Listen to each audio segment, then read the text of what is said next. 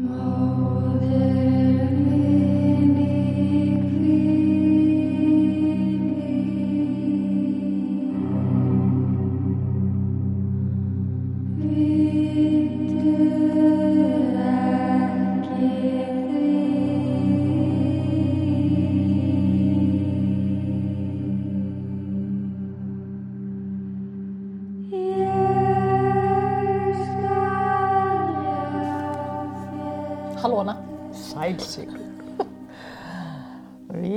Aftur komnar. Ég verð rám bara þegar það er kveikt á þessu tæki. Ég er hérna með heitt kakó bara. Ilja mér hér við heitt kakó. Orna mér við það. Já, þetta, sko, ég er með handrit hérna sem þau meldu galdramál á Íslandi 2. Vegna þess að við vorum með eitt um daginn og mér það svo langt sem ég gerði þetta að ég er svona, ég man bara ekki alveg hvað ég var að gera. En við skulum vona að ég hafi vandað mig Já, já. og ég viti eitthvað hvað ég er að tala um. Ég, hérna, ég hef trú á fortíðar, Sigrun. Já, hún er, hún er hérna Já, dugmikil, hún kemur stundum á óvart. kemur á óvart, vinnur í hæginn fyrir framtíðasýrunum. Já, stundum. En stundum var ég að hugsa bara svona, var ég með meðvutun þegar ég var að gera, þú veist, að ég man ekkert stundum aftur í tíma. Þannig Það að var þetta óþægilegt. ég eða var þetta önnur? Stundum segir fólk við mér bara, ég manst ekki þegar eitthvað, ég bara, ég veit ekkert hvað þú tala um. Það er Var ég með? Þú kannast ekki við þetta? Nei, Jú, ég kannast mjög vel við þetta. Ég held að það, þetta er ekki einstæmi, sko. En við erum sem sagt uh, búin að fara aðeins yfir svona upp af galdrana og sko frægasta saga, í, hérna galdrasaga, svona í þjóðsaga er galdraloftsagan. Það bæst ekki eftir henni. jú. Hún kemur líka við sögu í hérna Margit Sandim og svona því? Ísfólkið? Nei, ekki ísfólkið, heldur í galdramistaranum. Já, Þú sé í með tvö, þar er þetta sviðsett einhvern veginn þetta að hann sé að, að hérna, að hann að vekja upp. Hann að þess að þessi loftur, sem var svo kallaður galdraloftur, hann reyndi að særa upp látna biskupa til þess að komast yfir bókina sem var eitthvað svona besta galdrabókin, sem var rauðskinna. Vantarlega í rauðu skinni. uh, já. Já. Rauðu kálfur. Hún átti að vera svo öflug að sá sem hefði hana undir höndum myndi geta stjórnað satani sjálfum. Það er þannig svona, þetta er nokkur að slægjast. Já. Uh, en það eru, það er til í dag ennþá einhvers konar galdrabækur á söfnum, mm -hmm. veist sem inni halda eitthvað svona rúnir og eitthvað svona, en það er, hérna, þetta er gengt á landsbókasafni eða átnastofnun, en það var aldrei fundist neitt af þessari rauðskínu, neitt sem að hugsa bara svona, já, þetta er rauðskína. Þannig að það veit ekki hvort hún var til eða ekki. Eða hvort það var bara þjóðsagna eitthvað eða hvort hún var til og var grafin með einhverjum eða þetta er bara tilbúningur frá rótum, sko. Það veit enginn. En það var ekkit óalgengt að skólasveinar, það voru tveir skólar hérna á Hólum í Hjaltadal og svo Skálhaldi. Það var yfirleitt verið að bara kenna fólki, fólki mönnum að vera prestar. Já. Það var það eina sem hún gast lært. Var alltaf að vera bóndi eða alltaf að vera prestur eða bæði. Það var ekkert margt að... Var þér ekki kent neitt eða þú ætlaðir að vera sístmaður? Nei, ég held að það þurfti að fara til útlanda til þess. Já, ok. Þú þurfti örgulega að fara til Kaupmannahafn. Þegar það, fólk var ekki neitt annað, sko. Nei, ég veit það. Jú, lögmaður. Já, en þá þurftur að vera að læra ykkur lög sem ég er ekki vissum að hafa verið, held að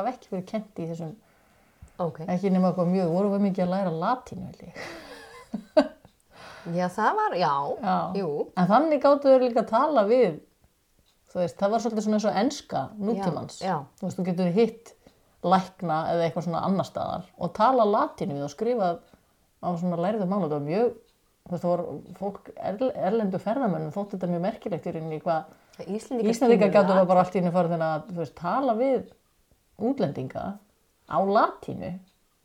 Þetta er pínu fárlegt. Já, svolítið. Þetta er svona esperanto Bara kannt að lesa? Nei, ekki alveg, en ég kann latínu. Jó, þeir eru kunni að lesa. Mm. Njöfna, já, þetta voru, þetta, þetta voru svona betri bænda sínir.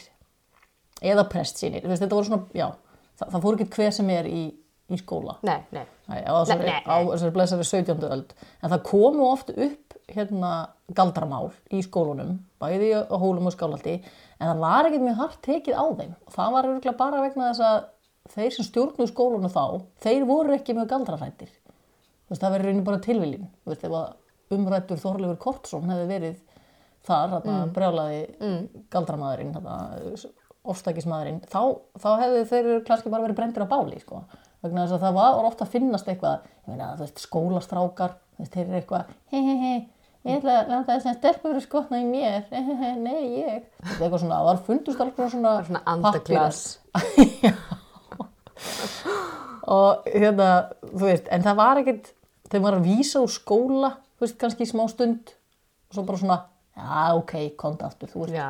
heldri manna sonur, þú ert eftir að verða mikilvægur í samfélaginu, kontu bara aftur. Þannig að þetta svona, það skiptir svolítið máli hver var hvað. Eins og gerir enn í dag. eins og gerir það í dag, já. Þannig að þeir sem að réðu þarna voru ekki mjög hrættir við, við djöflana. Uh, við erum sagt stödd á einhvers konar nið, þú voru að tala um niðurlæginga tímabíl í mannkisögunni 17. sem að er, já, er svona hérna myrku miðaldri, við getum talað um þetta. Jú, Já, er þetta frá Monty Python 1500 eitthvað. til... Já, Nei, það er fyrr, sko. Það er alveg, þú veist, þetta svona er bara í rauninni lokin á þeim, því tímabili, alveg þangandalega fer í eitthvað svona upplýsinga já. tímabili upp úr 1700 þú veist, þetta er, miðaldir eru alveg ég myndi ekki hvort þið byrji bara um 1300 Eftir stúrlingu öllina, þá bara koma myrku miður já, og það kólnaði svo mikið líka. Já, við einhvern veginn töpuðum töpuðum öllum skipunum okkar líka fórum ekki neitt og það kólnaði og komið hamfarir. fækkaði, já, og fólk var bara einhvern veginn að hrinja niður og allir þessu stóru bíli og allt þetta flotta sem að, sem að var á styrlinguöldinu það einhvern veginn bara svona, þú veist þetta sem við höfum komið með okkur, vopnin og skipin og það, það var bara einhvern veginn búið. Ó, og það datt veginn endur nýja já, það datt endur nýja það Já, en það var sem sagt í þessu tímabili þá, þá grassir af svona hérna, stöðnun, grimd, fáfræði, farsóttir og trúarofstæki. Þetta, þetta eru góðu tímar. þetta er good times. Já, þetta þótti hérna, uh, þetta var svona, já þetta er svona niður, niðursveifla í rauninni miða við, þú veist, ég meina Rómaringi og alls konar svona uppgangur, þú veist, fram að þeim tíma, þú veist, þegar að Evrópa er, þú veist, oft í mörguleiti í betri höndum, sko, þegar að Róm var að dreifa hérna menningunni og, vegakerfi og öllu svona út um allt, svo einhvern veginn förum við bara einhvern veginn hálfpartin aftur í, í svona andlega bara. Já, Já, förum í ykkur svona vittleysi og ykkur svona trúar, kreddur og já, ég held að það sé hræðslu það eru áróður. trúmálin og, einmitt og, og þessi hræðslu trú. já. En það er bara svo gott fyrir valda aðilega að hafa pöbelinn Það var rosalega mikið af fólki sem er að skammast sín. Já, og bara hrættan við að, ó nei, ég má ekki gera þetta. Tíu í bænir á þig. Já, já. Eh, Það fór samt, hérna, þegar þessi Nornahamar var hérna, í gangi, mástu, bókin góða, mm -hmm. metsölubókin, uh, sko hann Lúther sem að breytir öllu hana í, í síða skiptunum, hann var mjög djöflarhættur. Hann var sjálfur alveg sannfæður um hann væri ofsóttur af, af illum öndum og eitthvað svona. Þannig að það hjálpaði ekki til rauninni að skipta úr kathólika trúni yfir í, Mótmælum. Það var ekki, það var ekki til bóta. Og þeir, mótmæl, mótmælenda prestar voru alls ekki betri. Og Lúther var mjög hlindur brennum á galdarfólki. Bara fyrir allan galdur. Brennum allt, Já, brennum allt. Já, það var bara, þú veist, hvort sem þú ert að lækna einhvern eða ekki, bara brennum hann bara til öryggis. Uh, Það er yfirleitt miða við að miðöldum ljúki þegar siðaskiptin verða, 1550, en þá var samt ekki einu sinni búið þetta galdrafólk, það var ekki einu sinni byrjað, sko. Þannig að það passar ekki alveg, sko. Miða við að veist, þessi, þessi andlega fáfræði hafa bara haldið áfram. Og Ólína Þorvaradóttir, hún hefur um mig talað um að að, sem er búin að rannsaka þetta hvað mest á Íslandi hún segir að það sé ekkit sniðugt eða þú veist það sé aldrei villandi að kalla 17. öldina eitthvað sérstaklega galdra öld þá sést að gefa í skýn að þá hafi verið galdra meira, það var ekki þannig það var alltaf gald, eða, þú veist, galdraðina gæsalega Já. þú veist, fólk trúði alveg á galdur og alls konar svona tákn og eitthvað og það var ekkit meira á þessum tíma það var bara allt í hverju datt í tísku að vera refsa mikið fyrir það og svo datt það aftur úr tísku að refsa fyrir það. Þannig að galdurinn er í rauninni bara svona stöðugt á, á Íslandi. við erum Alltaf bara, við erum bara gaman að galdri. Já, Já. Veist, erum, er reyna, fólk er að reyna að bjarga sér úr ymsu. Uh, en nú komum við að þekktu galdramáli. Er sennilega eitt þekktasta galdramálið. Það er kallað kirkjubólsmálið Ok. og dreigur nafnið af sakamönnunum því þeir voru feðgar sem að vildi svo illa til að heita báðir Jón og kallaði bara eldri og yngri. Þeir byggu á kirkjubóli, hvað? Jón Eldri. Já, Já, og Jón yngri. ég var að reykja mig saman við eitthvað um daginn. Er það? Það var Íslandingabók og það var Jón Eldri, sem sagt, eitt forfæður. Já, kannski er þetta hann, kannski er þetta komin í galdramönnum. Oh my god. Þeir byggu á kirkjubóli í Skutulsfyrði í Ísafjörðadjúpi. Þetta er í rauninni bara þar sem hérna, Ísafjörðabær stendur, held ég, núna. Ok. Okay. Að þetta er í þeim fyrði, Ok. Ok. ef ég man ekki ránt. Málið er eftir vill ekki svo sérstakt að öðru eða ólíkt öðrum ef það kæm ekki til að það er mjög áhugaverð samtíma heimild um málið sem að var lengi vel bara tínd og engi vissi um uh, sem að er sem sagt, skrifuð af manninum sem að sakar þessa menn um galdra, Galdra, og vill svo óheppilega til að heiti líka Jón. Nei. What are the odds? Þrýr Jónar á þessu. Gengu inn á bar. Já, Jón eldri, Jón yngri og Jón þumall. Nei, þumlungur. Það talaði um hann, líklega að hann hafi verið smávaksin vegna þess að hann var kallaður Jón þum, þumlungur. Hann hétt Jón Magnússon. Og hann verður sem sagt kallaður hann ekkert Jón þum, þumlungur eða Séra Jón því hann var prestur. Og hérna, og hann var list sem heiðarlegum og minnlausum skólapilti þegar hann lærði til prest í Skálholti.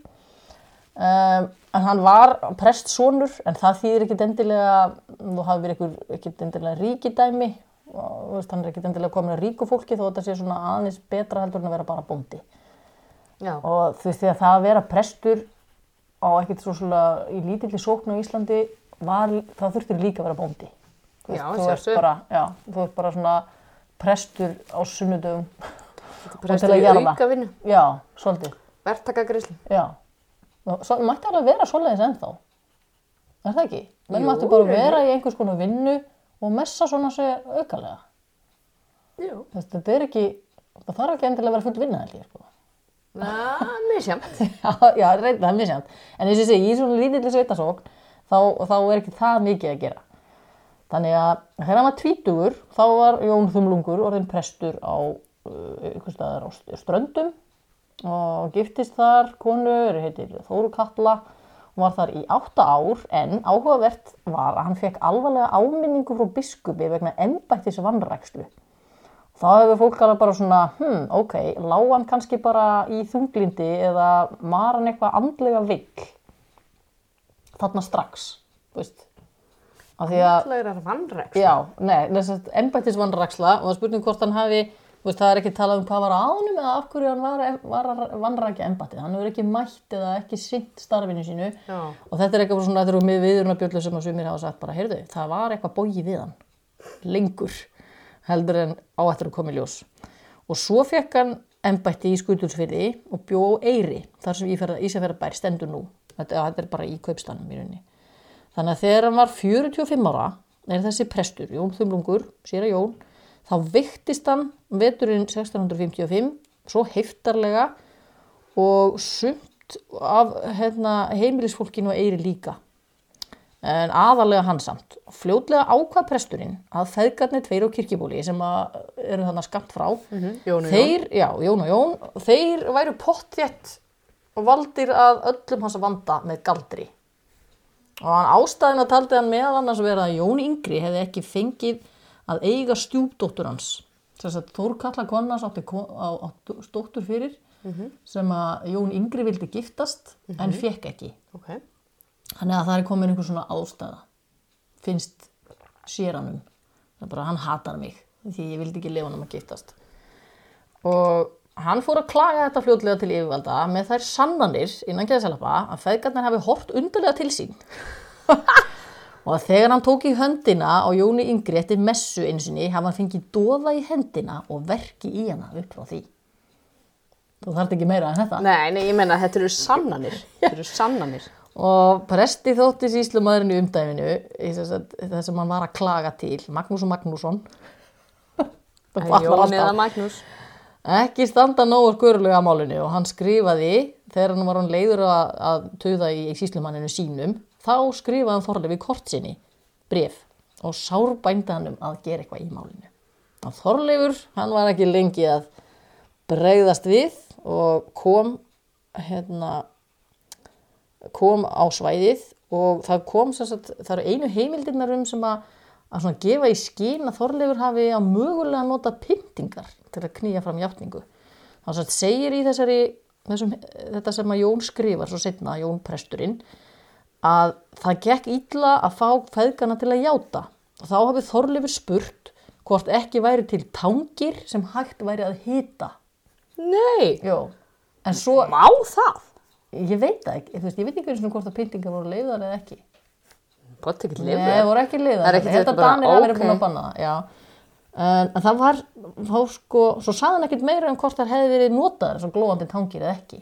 En hann segir þetta, svolítið, þetta er rauninni það eina sem að kemur fram einhver svona hugmyndum hvað hefði þá verið gert við. En þetta er áhugavert, sko. Tangir áttu nokkuð Glóandi tangir, Bara- já, ok. Hvort hann- lánað mér Já, það? eða hvort hann sagði þetta bara svona upphátt þannig að þeir heyrðu og, og hérna myndu þá, við- þú veist, þetta væri svona hótun bara. Þannig að það veit það enginn. Eh, Eftir að þeir voru búinir að, veist, þeir voru handteknir, jónarnir, feðgarnir og þeir voru hafðir í nokkur á mánaða varðhaldi við hörmular aðstæður í jarðhísi hjá síslumanni. Þá var útlit og þrek feðgarna farið að láta á sjá. Jóni Yngri hafði alltaf verið líst sem, sagt, sem mjög myndalegu manni, ljós yfirlitið með gullið hár. En eftir fangavistina var hann óþekkjanlegur, grár og gugginn. Og þetta tók presturinn sem bara merki um, um djöfulskap fangana. Það, þeir, þetta var bara klart merki um sko sekt. Já, þú veist, það hefði verið orðin svona ljótir. Það var ekki vegna þess að þeir eru búin að vera í myrkri, í jarðhísi og þú veist, bara nánast vaðandi í eigin skít. Það var vegna þess að þeir voru sekir. Það var við sem þetta. Og að þessum tíma loknum, þeir eru búin að vera að geima á hana í kjallara, þá játuðu báðu feðgarnir á sig eitthvað kukl og aðalega, sagt, það var mikilvægast að þeir játuðu að hafa valdi prestinu veikindum. Það er bara, já, ok. Já, er maður ekki bara farin að játa hvað sem er. Ég, það, jú, Bara það er náttúrulega- bara allt. Já, fólk, það er náttúrulega talað um það að fólk sé til í að gera hvað sem er til að komast úr rauguslegum ástæðum.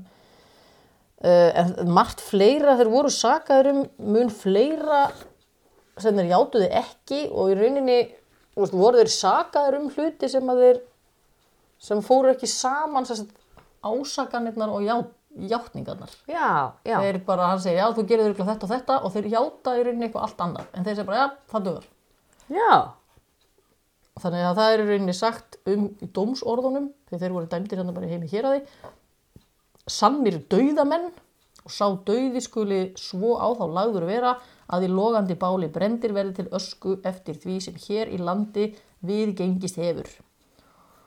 Og þá er hérna, þeir voru bara brendir heima á bæ, hjá sér, heima á kirkibóli, þar sem þeir áttu heima sem ég átta mig ekki alveg á hvers vegna var, akkur voru ekki bara brendir já, og ég, veit svo ekki hvað á að brenna fólk og presturinn fekk miklan miskabætur úr búi Jónana því að aldrei þessu vant þá voru þetta ekki fátæklingar þessi Jónar, þeir voru eldast í peningana? Já, það er sko bæði síslumadurinn og hérna og ásakandinn fá þarna daldið að fjö sem er náttúrulega mjög grunnsamlegt. En það vildi svo merkilega til að veikindi Jóns, Dumlungs, bötnuð ekki eftir brennuna. En hann var þá vissum að það væri þá ennþá óbrendir hlutar af líkonu þeirra Þannig að kveikt og, aftur í og eða? það að heili Jóns yngri lægi ef til vill bara óbrendur í öskunni. Oh. Þannig að það var eitthvað farið að leita að því og reynda að brenna meira og svona. En svo álíktaði hann augljóslega að það væri augljóst að Þurriður, dóttir Jóns, eldri og systir hins Jóns, eh, hún væri núna ásakjan. Þannig að það ætla bara að saka Bilaður næsta. maður. Já, nákvæmlega. Það er það fyrsta sem maður hugsar. Og það, það sem ég finnst magnað einmitt segir hvað svo undarlegur sem maður er að hún hefði sem sagt, hann prestinum, hún fannst hún, þessi þurriður þegar það búið að brenna bróðurinnar og pappa hann er fannst að hún hafi brúðist undarlega við þegar hún hitt hann næst hún vildi ekki heilsunum og hún bara, Bara, vildi ekki heilsunum var hverja, mér tala við hann nokkurn hátt eða meðreiðasvein hans það er bara þú veist þetta er Og bara hann var bara að hissa. já, hann var að hissa Hann hann var búin að vera að gera þarna guðsverk Vitt fyrtur sem Já, maður. algjörlega. Að hann hérna er alveg á því að, að þetta hafi verið, frekar verið ástæðan það að hún ætli að halda áfram að gera hann veikan og ekki vilja fagnunum, veist, út af því en ekki að því að hún kannski hafði ástæðu til að hata hann að einhverjum öðrum. Uh, þetta segir bara margt um hvernig, hvað hann var fullur á rámkvömyndunum um, heiminn, sko. Að hann kærði hann næst fyrir galdra ásóknir en þá var einhvern veginn engin spenningur fyrir því hjá yfirvöldum. Það, ég veit, veit engin af hverju það gerðist en Þurriður virtist hafa eiga á átt bara betri vini eða svo stu valda meiri Já, vini. Þannig að hún, þannig að fer, hún var ekki endilega brend, sko. hún var ekki brendafla. Uh, hún fór til presthjónana í Holti í Undafili og þau bara vörðana og sögðu bara þetta bara kæftaði og hún var svo sett síknuð þó að Jón hafi lengi haldið áfram að reyna að fá hann að dæmda það var að suða í hérna yfirvöldum með þetta en það er satt, þegar þetta, þegar það er komið, komið við sögu það er þá sem að Jón ákvað að setjast niður og skrifa sögu sína af viðurengd sinni við galdralíð og djöfla. Og hann skrifar þessa, þetta rit sem er ótrúlega merkilegt og kallaði verkið mjög hóværð og hóværð nafni Píslarsaga Síra Jóns Magnússonar. Og þessi bók er bara til og er búið að gefa hann út. Hérna veist, hann er bara hann að berjast og hann dró ekkert undan í lýsingum sínum og andlegum og líkamlegum hremmingum hún er svo dramatísk. Veist, það er bara, hún er ekki hún er sæmilega auðlesin. Veist, hún er samt við erum að tala um þetta síðan 1600 og eitthvað 50 og eitthvað, eitthvað uh, hún er alveg vel skrifuð hann er alveg penna fær og með að við það hann er kannski ekki mikið mentaður en handriti kom ekki ljós sagt fyrir en og var fyrst gefið út á prenti 1912 Nú, já, þannig að þetta var skúfuskáld. Já, þetta var, það vissi enginn af þessu þannig að þetta er eina samtíma heimildin um mann sem er að vísu geðveikur. Að vísu. en hann er, þú veist, bara einhvern veginn orðaforðin og hvað hann er heitur í þessu og hvað hann er sko bænirnar, hann er svo hrættur um að, að Guð sé yfirgefan eða hann sé að tapa trúni á Guð, þetta, þetta er svo ótrúlega dramatist en þess að þá er hann að reyna að sanna og auðvitað ekki að draga úr málinu því hann er að reyna að fá þurriði dæmda sem hluta af þessu galdra líð og það hérna bókin, nei ekki bókin myndin sem ég var að reyna að muna um daginn hvað hétt, það? Er myrkrahöfingin hann stættir þessu? Sem að Já, Hrafn Gunnlaugsson já. gerði. Og hún er gerð eftir þessari sögu. Þess að þá er Mm. hún er svona mjög geðvikisleg en það er einmitt þess að þessi Síra Jón Síra Jón Var svolítið. var geðveikur og hann var einhvern veginn alltaf að upplifa sig sem fullan af einhverjum ásók, ásóknum djöfla. Uh, mér fannst þetta rosalega vond mynd, mann ég samt, en, en þetta er áhugavert. Og það hafa margir í setni tíð vilja greina, veist, hvað hafi verið af honum Jóni? Sem sagt, presturinn, Já. það er bara svona, hvað, veist, hvað gekk honum til? Hvað allir hafi verið að plaga hann, sko? Og Ólína vil meina að að það er, sko, það er verið að lýsa þessu sem krampaflogum með mási og fróðufalli sem að koma yfir eiranfólkið að því það voru fleiri en hann sem að veiktust. Og sem að hljómar eins og eitthvað svona hysteríu, svona sefasíkis faraldur uh, og er, er bara víða í Evrópu. Og eins og var hann í á ströndunum hann, veist, fólk var eitthvað svona "Ah", eitthvað svona fjölda áfall. Þú veist, þegar einn byrjar þá þá tapa sér allir bara svona, já ég er líka með þetta. Ok. ég er að deyja. En hérna, lýsingarnar hans eru líka bara þau gæti hafa bara hreinlega verið flensa. Uh, Og hýta kórónuvírus. Nei. fyrir, fyrir sína, sín tíma. En það var einhver sjúkdómur sennilega en það er hérna verkir í hálsi, brjóstóli, fyrringur dofi, hiti eða nýstingskuldi, bruni um brjóstið, slög yfir höfuð eða brjóst, þrengsli í hálsi og yfir brjóstið. Og honum finnst þess að sitja á sér, sko, bara djöfullin sitja á sér, bara svona svo þungt um andadrátt, sko. Og, og hérna, þannig að sumt af þessu er bara, eh, já, gæti bara verið eins og hver önnur flensa þó að hann hafi tólkað þetta svona. En hann mjög, hérna, hann er mjög hrætt, hann var bara mjög hrættur hann bara alltaf held að Guð væri búin að yfirgefa sig og, og hann heldur áfram að tuða, tuða, klifa á bænunum sínum og eitthvað svona. En svo hafa aðrir líka það var svona vísindavefnum þetta eru nokkar greinar á vísindavefnum um þetta mál. Og það er einhver hérna fyrirhundi professor í sálarfræði sem segir að það sé erfitt að hérna, þú veist náttúrulega er ekkert þetta sjúkdómsgreina greina fólk sem að Var ekki Er að ekki- er það ekki á lífi? Jú, þú veist, það er alltaf gaman að spekulera eitthvað svona, en þú veist, það er náttúrulega ekki hægt eitthvað í alvörinni. En hann talaði um að sennilega hefur eitthvað verið sem að, að, að plagan sem að væri kallaði geðraskanir í dag, þú veist, einhvers konar áráttu og þráhyggjuröskun uh, og svona, hann, að því að hann er svo rosalega hrættur um að vera guðlasta eða falli fristingar, þú veist, hann er sjúklega áhyggjur af því, presturinn. Og svo líka bara þunglindi, uh, kvíðaröskun, hugurofsröskun og svo er það eitthvað til sem heitir líkömlunarröskun sem er óeðlilur ótti við sjúkdóma. Það er kannski einhverju sem kannast að við það þessa dagana. Þú veist, þú ert bara... Líkamnuna röskun. Já, þú heldur alltaf að sé eitthvað að líkamannum hjá þér. Ah, Ég, hérna, ég tengi svolítið við þetta, ég var krakki, ég held alltaf að ég væri með alla sjúkdóma sem getur, veist, sem ég heyrði um bara. Bara, já, ég er að degjur þessu sjúkdómi. Það er pottið þetta sem er að mér. en þú veist, það er alltaf gaman að spá í ykkur svona, þó að þessi ekki hægt að finna út nákvæmlega.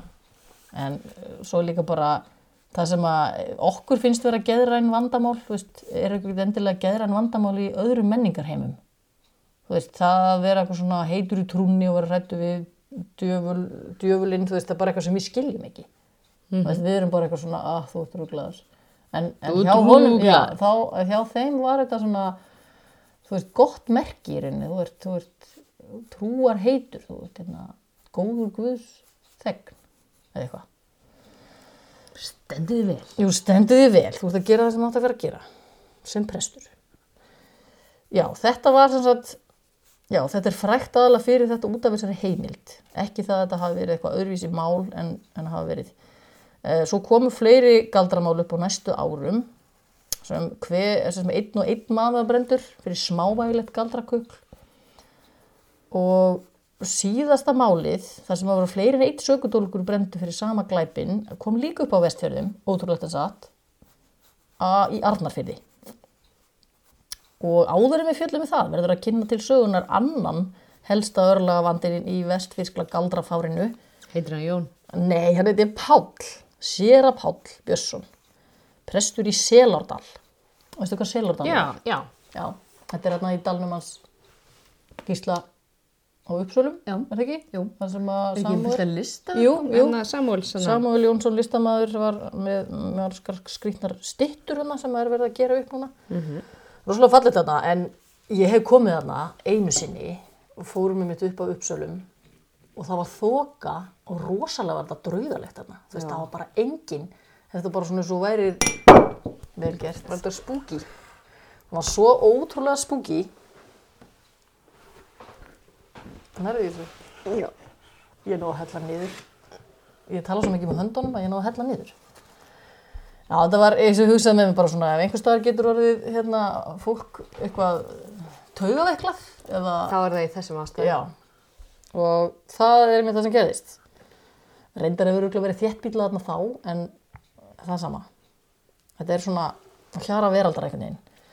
Páll var fættur 1621 en hann er alveg fullorðin þegar galdrafárið kemur fer í fullan gang og hann var síslumannssonur og flestir karlmenn í ætt Páls voru einmitt síslumenn. Þetta var svona aðalættin og þetta er sama ættin og Þorleifur Kortsson giftist inn í setna mér. Það er valda mesta ættin á hérna vestfjörðinu. Við fundið konu sem vildi sig þar. Já, og vildi eitthvað svona, svona gæja. Einmitt. Páll gekk, menta, ment, gekk til menta í Hólóskóla og svo í Hafnarskóla í Kaupmannahöfn.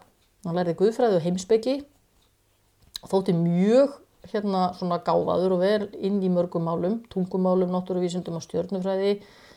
Hann var óvinnu hávaksinn, stór skorinn með rúnum rist andlit, ég veit ekki hvað mynd með því, hann kannski verið bólugrafin þegar hann var úlingur eða eitthvað. En hárið misti hann ungur og mér finnst þessi lýsing best. Hafði aðeins síðan lokka hjá eirunum en gekk yfirlega með húfu. Þannig ég sé fyrir mér svona Æ. geðinga þetta, Já. þetta bara lokka niður, hann hefur verið með eins og sagt verið sko sköllóttum í sítt hár. Æ. Það er svo margt rátt að. Já, ég veit það, en svo giftist Páll lögmannsdótturinni Helgu, Ídlu Heilli, uh, og hún var sýstir biskupsfrúarinn í Skálholti. Þannig að Páll og Brynjólfur Sveinsson biskup sem er á þúsukallinum, mm. þeir eru svilar. Að eru giftir systrum. Og Brynjólfur, þessi Páll og Brynjólfur, þessi, þessi svilar tveir voru taldir lærðustu menn landsins og þau áttu nóga peningum og egnir, ignir og þau áttu sex börn sem komast á legg. Þannig að allt hefði átt að leika í lindi á stúrbúinu í Selandal. En Páll var ekki aðeins vel lesin í greinum, þeim greinum sem áður hafa verið upptalinn, heldur var hann líka mjög vel að sér í djöflafræði. Hann vissum að svartigaldur væri raunverulegur. Þannig að hann skrifaði líka eitthvað rit 1674 sem að hétt á, á, hérna, á latinu sem heitir Karakter Bístiæ Bístiæ og var kallað því kennimark kölska á íslensku. Og það var svolítið byggt á Norðnahamrinum að æsið spennandi það er þetta, hérna, fá þetta bara í, á bókasafni og gefið út aftur fyrir 30-40 árum. Og hún er alveg áhugaverð til að komast inn í hugarheim þá sem voru hrættir við nornir og búka. Páll er- talar um hvernig nörd, nornir geti kornabörn og séu mjög spenntar fyrir mm, sem sagt, barnaáti. Þær sitji bæði um skýrð og óskýrð börn og drepi í svefni. Þeir búðir að jarða barnið steli þær líkinu úr gröfinni og sjóði potti og úr svoðinu, kjöti og beinum sé hægt að gera í gagleg smysl og drikki Getur þú hugsað þér menn, já, menn sem er bara eitthvað svona að pæla í þessu Nei, Svona, ég get já. ekki alveg sem er það. þú veist, veist, hefur ekkert betra að gera. Það er eitthvað svona, hugsa upp eitthvað uppskriftir úr sóðnum barnabeinum. Þannig að það eru mjög óhugnlega lýsingar og framferði stórhættulegra kvenna sem höfðu selt djöflinu sál sína. Mjög svipað þessum evrósku nornaviðu, en það var hann mentaður í, í Danmörku. Og þegar Helga, konarnas Páls, fór að veikjast af óvenjulegum sjúkdómum 1660, þá var nú ekki lengi að tengja saman Kallar það hana. ykkur illur andi sem ásækt hana. En veikindin voru bæði andleg og líkamleg og fóru síversnandi. Hún var búin að vera þarna sjúklingur í einhver tíma, átta árum síðar, 1668, hann ástandi voru svo slæmt og ásókn hins illa svo mikil að heimilisfólki flúði tímabundið af heimilinu vegna- draugagangs. Helga var að vissum að ungur maður nafni Jón Leifsson hlítið að standa á bakvið árásinnar því að hann hefði beðið um hönd einnar vinnukonunar á bænum fyrir einhverju síðan en Helga hafði ekki leifta. Það er svona svipið saga á hitt. Já. Og og alltaf svona reyðir ungir menn sem að fengi ekki konunar síðan.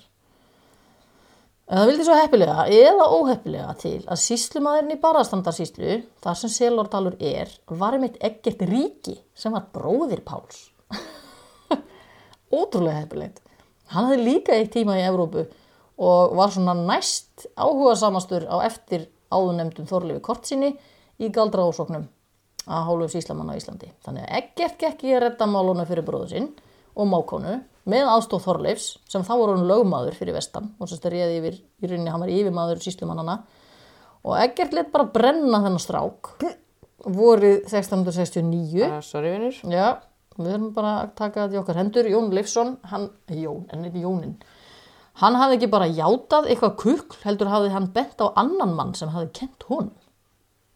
Það var Erlendur Eyjólfsson og sér að Páll held í fram að hann stæði á bakvið allan döfurgangin, sagt að hann hefði verið upphafsmaðurinn og hérna, hann væri, væri uppsprettu brunnur alls djöfuls í þeirri sveit, sagði Páll um þennan Erlend.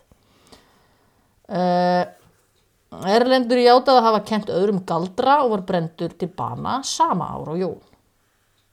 En sér að Páll var hann svo samdöina hugmyndum sínum og ótta heima fyrir að hann hefði skrifað þess að til Brynjóls, þess að svila síns í, í skálholti og baða hann um að taka galdramál fyrir á prestastefnu sagði bara, herði, það er bara landið er að leggjast undir, það er alltaf í- það er alltaf í rugli Það hérna þú verður að, að- já, allir prestar þurfa að saminast gegn eitthvað svona Það þarf nú ekki að brenna marga til þess að það komi skarði í, sko. nei, nákvæmlega eru til að tölfræðin verði en þá vildi bara svo vel til að þessi Brynjúlur, hann hafði bara engan áhuga á þessu Á að brenna neitt. Nei, hann hafði bara engan áhuga þessu djöflafræðin yfir leitt. Hann var bara hann aðeins í Suðurlandi og þar gerðist rosalega lítið og það bara svona, það dó bara í nefnd þetta mál, þú veist það bara, já, já, ég man ekki hvort hann svaraði honum eitthvað eða hvort hann bara, já, leta hann deyja út.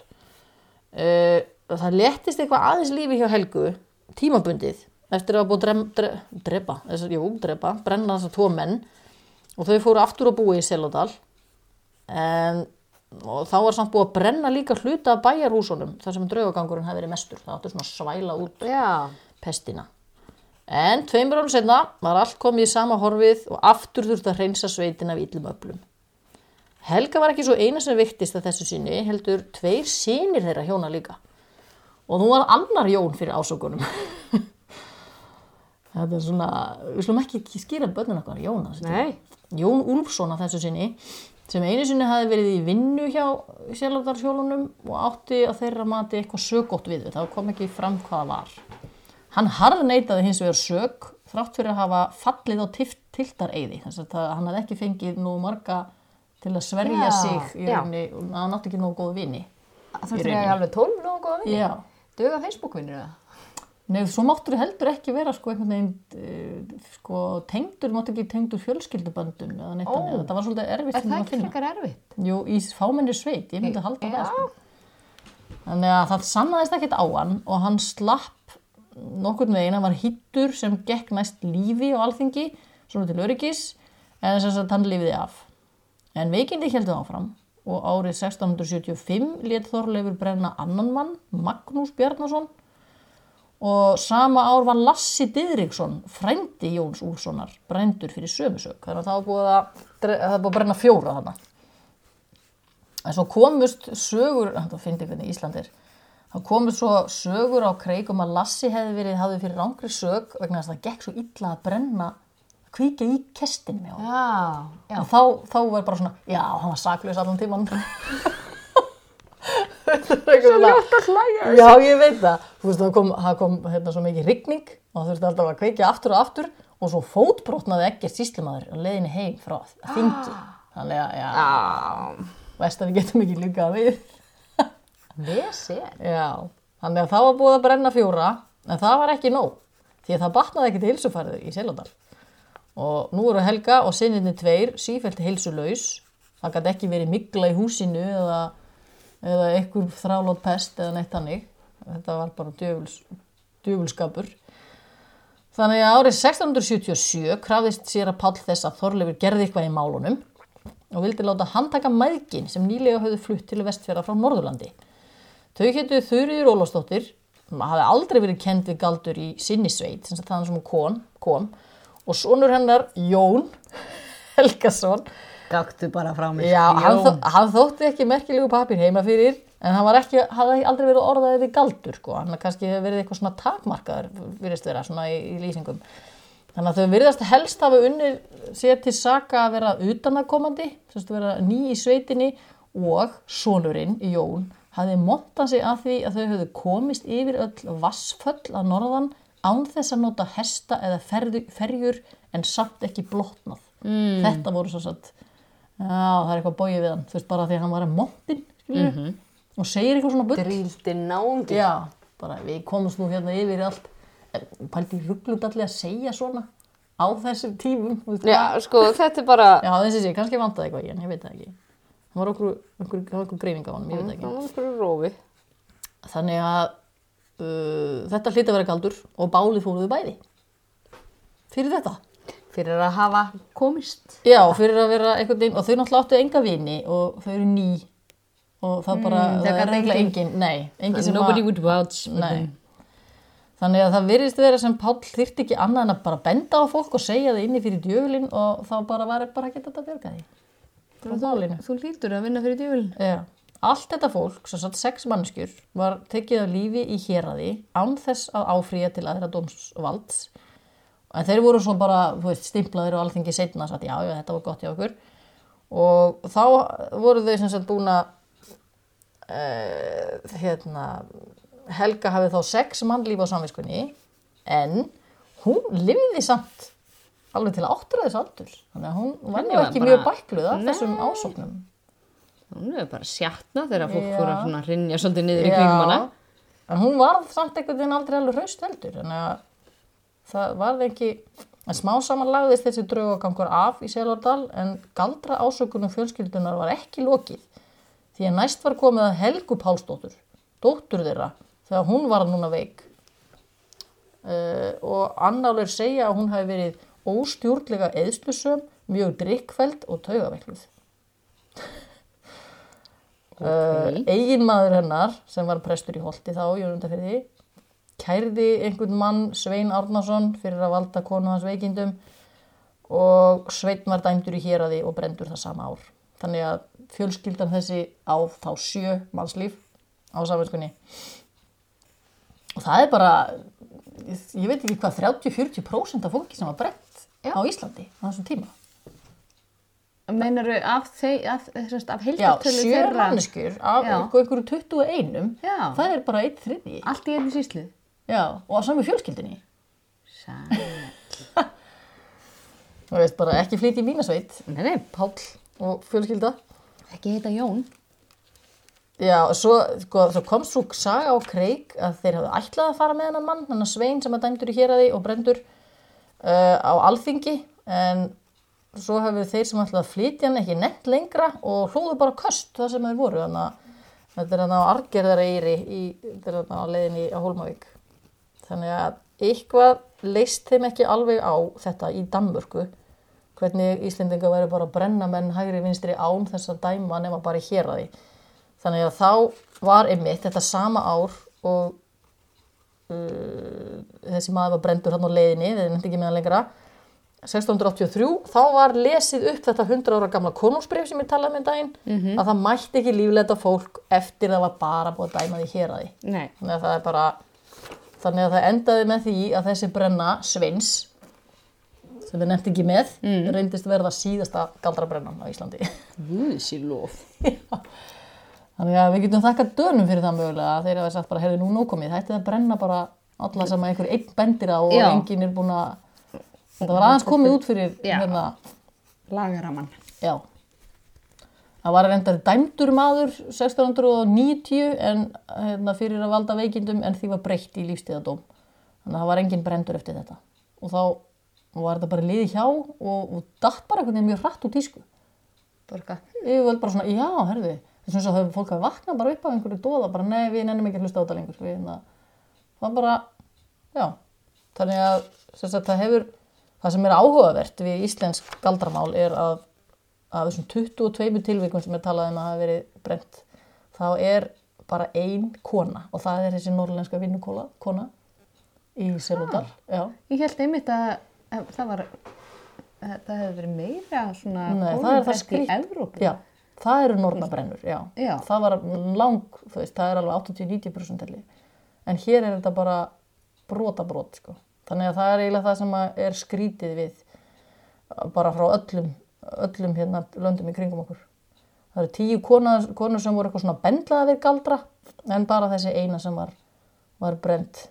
Þannig að það, þessi fljúandi konur og kústum með samning við djöfulinn voru ekki þær sem voru í mestri hættu heldur einhverju svona, mest einhverju svona menn sem voru að reyna að lækna eða senda drauga eða gera veikind eða valda öðrum veikindum það er reyni þeir sem þykja hættulegistir hér og þá tengist þetta líka bara svolítið veist, það voru frekar menn sem voru að grúska í einhverju svona lærdómi og skrifa og einhverju skræðum og lesa sér til Já, sem er náttúrulega ókvænlegt, sko. ómænlegt Og já. þetta með bara held ég að vilja náungunum svolítið illt. Já, læsi á meðal kvenna var til dæmis bara ekki eins algengt á Íslandi og hjá körlum.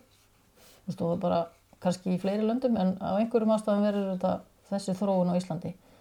Að það er erfið að finna kannski sönnunugögn gegn konum vegna þess að það var ekki að finnast hjá þeim einhverju bleðlar og kannski voru kallarnir bara be- hefði ekkert betra að gera, ég veit ekki. Voru bara fram á nótt eitthvað að hangsa. En í djöflafræðin, sem sagt, í Nortnahamurinn var alltaf talað um að djöfellin réðist á þá sem að vera einhvern veginn veikari fyrir. Þess verður hann að ráðast á konur sem verður síðferðislega veikari fyrir. En af einhverjum ástæðum að- virðist það ekki hafa átt við á Íslandi. Ég veit ekki hvaða pælingar það eru. Hvort að fólk hafi, nei, að, veist, af hverju það ætti að vera eitthvað öðruvísi. En svo er þetta með, þú veist, það er einnig það sem að sker sig úr, þetta með kynjakvótan og svo er það af hverju voru vestfyrði svona öðruvísi. Svo það er alveg endalasa. Já, og svo er oft verið talað um að sko myrkrið, einangrun og veðurfar vestfjörða hafa eitthvað með því að gera að vestfyrringar annarkort galdrað meira að stunda einhverja tilraunir eða orðið eh, eitthvað rættari eða eitthvað svoleiðis en þú veist, þú sér að austfyrðir er alveg eins. Þú veist, gæti alveg sömu rök áttu við um, En austfyrði það var samt sko, austurinn voru samt ekki eins einangraðir eins og vesturinn. öðruvísi. Já, kannski öðruvísi, já. En það kom bara upp fjögur galdramál á austfjörðum. Og, og ég held að það hafi engi verið brendur þar þannig að Þeir voru aðeins klókarís. Já, er aðeins klókari. En það er bara þess að það, allavega hún vil meina það, hún ólína, að það er, það er ekki bara eitthvað eitt sem veldur, heldur það þarf þrengt að koma til, það er þess að það eru ofsafegnar djöfla predikanir presta sem, sem, að, sem að hræða mann, veist, mannfjöldan í, í að veist, virkilega trúa þessu og hérna gerir þar að leiðandi hérna, almenningin svona móttækilegan fyrir fyrir þessum pælingum að það vonda í samfélaginu inni sé einhverjum að kenna Já. og aðgangsharðu síslumadur eða þú veist, yfirvaldin Já. hafi þurft að vera virkilega bara áhugasum um að elda uppi og hann er að, veist, Þorleifur er að ferðast um alveg langa Já, vegu ég- og dvelja veist, bara Hann er bara að eða tíma og peningum í þetta. já, já, hann bara virkilega sannfærður um að hann sé að gera gagn þannig að þetta kom þetta svona, þetta virtist allt hafa komið saman hann á vestfjörðum þar sem að gerði ekki, ekki svona annar staðar, ekki þannig að það verði svona svona stemming sem það segir. Skilðu. Já. Þannig að uh, á Suðurlandi til dæmis allt öðru önnu stemming með hérna, þennan Brynjól biskup og svo var annar var maður hérna kallaður Vísi Gísli og var hérna síslimaður var eiginlega svona fróður og, og velmetin maður. Þeir hefðu bara engar áhugjur af að djöfuldin væri að taka yfir allavega ekki á Suðurlandinu. Þeir tók ekki þátt í þessu og þú veist það er til dæmis eins og kom upp mál í skálholti þar sem að hann réði einmitt hann Brynjólfur og, þessu svona skólamál og hann bara eitthvað, neða, það er heimstrákar í smá stund og svo Já. komið þið bara aftur. Kæla sér niður Já, strákar. kæla sér niður. Þannig að í, í þjóðfræði er það sem er áhugavert líka við þetta er að þú veist, maður getur að lært að þessu ennþá í dag vegna þess að í þjóðfræði er talað um að þeir sem valdi samfélaginu óg séu þjóðar skelvar sem við stúkslega flott var Þannig að almenningur og yfirvöld og fjölmiðlar í dag eru svolítið þessir aðilar ef að þeir ákveða Skelvar. Já, ef að þeir, allir þessir aðilar leggjast á eitt um að þetta bara, þú sér bara eitthvað svona uppgangur hægri afla í einhverjum löndum. Það myndast einhver stemming. Já. Þetta er hættulegt fólk. Við þurfum að koma í veg fyrir það og smá saman ef almenningur er, er með í þessu, þá verða stjórnvöld þannig þengjandi og fjölmiðlarnir verða á, veist, fara á hjólið með þeir sem eru ráðandi. Við sjáum alveg svona aðstæðu skapast í útlöndum sérstaklega. Já, já, já, þetta bara hefur gerst í gegnum tíðina bara í heiminum og þá kemur svona svo kallað síðafár sem að verður til þess að fólk einhvern veginn verður svo hrætt og skelvarnir eru veist, þeir verða svona þeir eru svona hinir Já. og þeir eru hættulegir The others. Já, og það er mjög áhugavert að bera saman, þú hefur heyrt talað um hérna frægasta galdramál í heiminum sem er hérna í Salem, Massachusetts alltaf í bandarækjunum eða það er talað um einhver nord, sé einhver staðir þá er alltaf talað um Salem bæjum Já. Salem Nei. eins og síkaretunar Eins og síkartum. Eins og allt vond. Já, Salem, Massachusetts og er bara, að þetta, sko, þar fer galdrafárið í gang eftir að við erum hægt að brenna fólk. Það er, það er komið 1692 og allir eru hægt að hugsa um þetta í Evrópu. En þá var þetta bara svona eins og pest. Hún gengur bara svona, þú veist, hún er bara Já, að koma í nýja og heiminn þannig að líkindin er alveg til staðar og það er bara, það kemur bara eitthvað svona allsherjar fár þar sem að bærin Seilem og nærlegjandi bæjarfélög þau bara þau lögðust bara einhvern veginn í, tóma vitleysu. Það, það byrjar á því að hérna, það eru tvær stúlkur sem að sögðustur að voru veikar, sögðustur að nornir og fóru að benda á nákvæmna sína. Og þessi líka og þessi líka. Og þá bara, þetta verður bara eins og, eins og farandur í alvörinni vegna þess að þegar það búið að taka það fólk upp áttur og byrjuð að pynta það og það verður að skoða líkamann á fólki þú veist, þú var að tala um kennimark kölska, það, er, sem sagt-. Það er getur bara verið hvað sem er. Það getur bara verið fæðingablettur, það getur verið ör það getur verið, ef þú sem túlkandi ákveður að segja eða sé hérna, eitthvað dulafullt þú veist, það var bara eitthvað svona verið að klæða fólk úr fötunum og dómarar að skoða að þetta var svo skrítið og allar fangagengslur voru þarna fullar sko, þetta er bara ótrúlegt hvernig þetta einhvern veginn og það, það skilur enginn almennilega hvernig þetta hvernig þetta gat orðið svona og það voru komin 150 manns í hérna fangageimslur þetta var bara eitthvað svona smábær þú veist, þannig, þetta er svona Bara borgarnes? þetta er bara í, nei, þetta er svona, þetta er svona, svona þétt, þetta er svona bæir sem eru svona þétt saman. og þar eru sko bæði betri borgarar og fátæklingar, er, hérna, rosalega oft ungar stelpur sem eru að, að saka þennan og hinn um eitthvað. Og segja bara, já, ég sá þessa konu líkamnast í stofunni hjá mér og hún sagði mér að gera þetta og eitthvað svona. Og svo bara, þetta verður bara svona svona dóminó bara, heyrðu, þá, þá ætla ég að pína þennan og þessi segir þá eitthvað annan nafn. Og þetta voru bara hjón þetta voru, menn og konur sem að voru hérna sakaðir. En það voru að lo- lokum sko átjón mannskir teknar að lífi þarna. Það voru meiri hlutin konur sem að voru dæmdar. Með brennum? Já.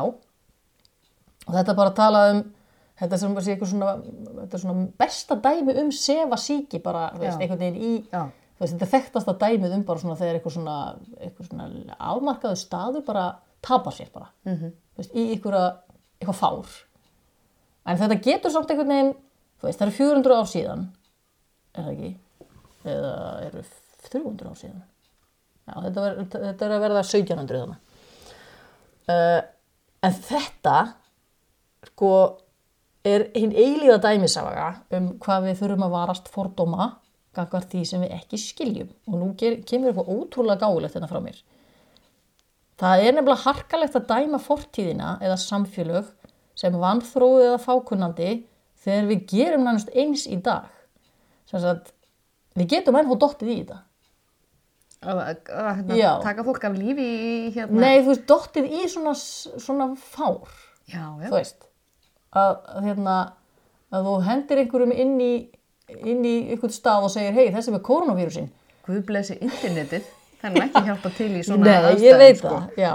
Þannig að sko, ef við byrjum á að hérna, ef við fyrir að segja sko, þetta fólk er eðlilegt er eitthvað, er eitthvað þetta fólk er aðeins öðruvísi. Hvernig eigum við, ef þeir eru búið að segja við sko, að venjulega fólkið, það getur líka verið hættulegt.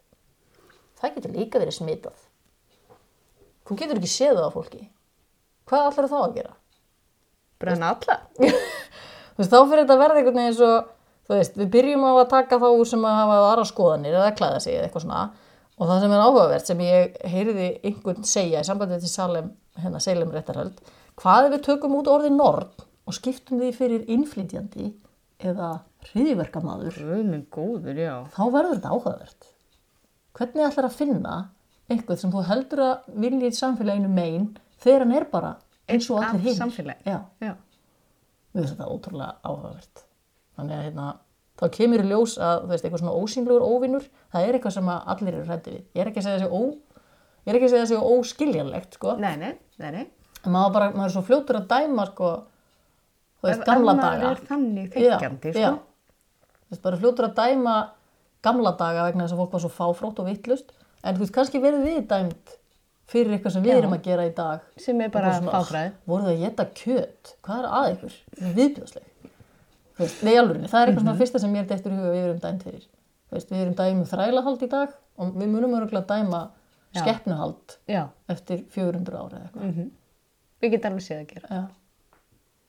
Það myndi eftir úr tísku. Veist, það verður ekki, það verður ekki stemming Vá, líka. men. Já, men, engar réttir, það verður ekki stemming. Það voru ekki stemning. Það voru menningarlegur mismunur hana. Já. þannig að þegar að, þú veist, þarna var bara djöfullin bara raunverulegur, bara eins og kjötsúpa eða eitthvað. Er bara allt eðlilegt. Já, bara passaði bara djöfullin, tekur þig, já, ok, ég passa mig. Já, ok. Ég ætla að hlaupa. Nei, fara með bænum það innan. Já, sjálfsög. Æ, herri, þetta voru góð, hérna, loka-. Loka hugleðingar, það ekki? Já, þetta er nefnilega svolítið, svolítið skemmtileg huglegging. Alltaf að læra af sögunni hana, annars er hún einskis fint. Það ekki? Nei, ég er bara stólaði og kenni mér þetta, sko. Þú skólar mig í Þetta er gegnum svo, Ég þetta. horf ekki að frétti þær, ég, ég, ég stóla á einhver segir mér ef, ef það er komið eldgós eða ég mikið fara út eða Það reysa aðeins á honum Þorvaldi, nei, Þorbirni hérna daginn. ég er bara, ha, má ég ekki fara út, er samkomiðbann, já, ok, ég skal bara vera Heima. heima. Já, nóga garni og Já, kjöt í kistunni og Já. svona. Nei, kjöt er að ó verða. nei, við verðum að klára það samt, annars Ok. okay. er dáið til einskis. Já, já, ég Það get alveg síðan að klára það.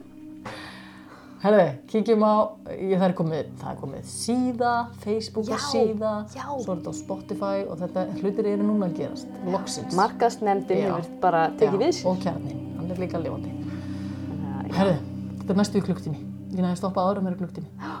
Klakka til, takk til næsta, ok. Bye.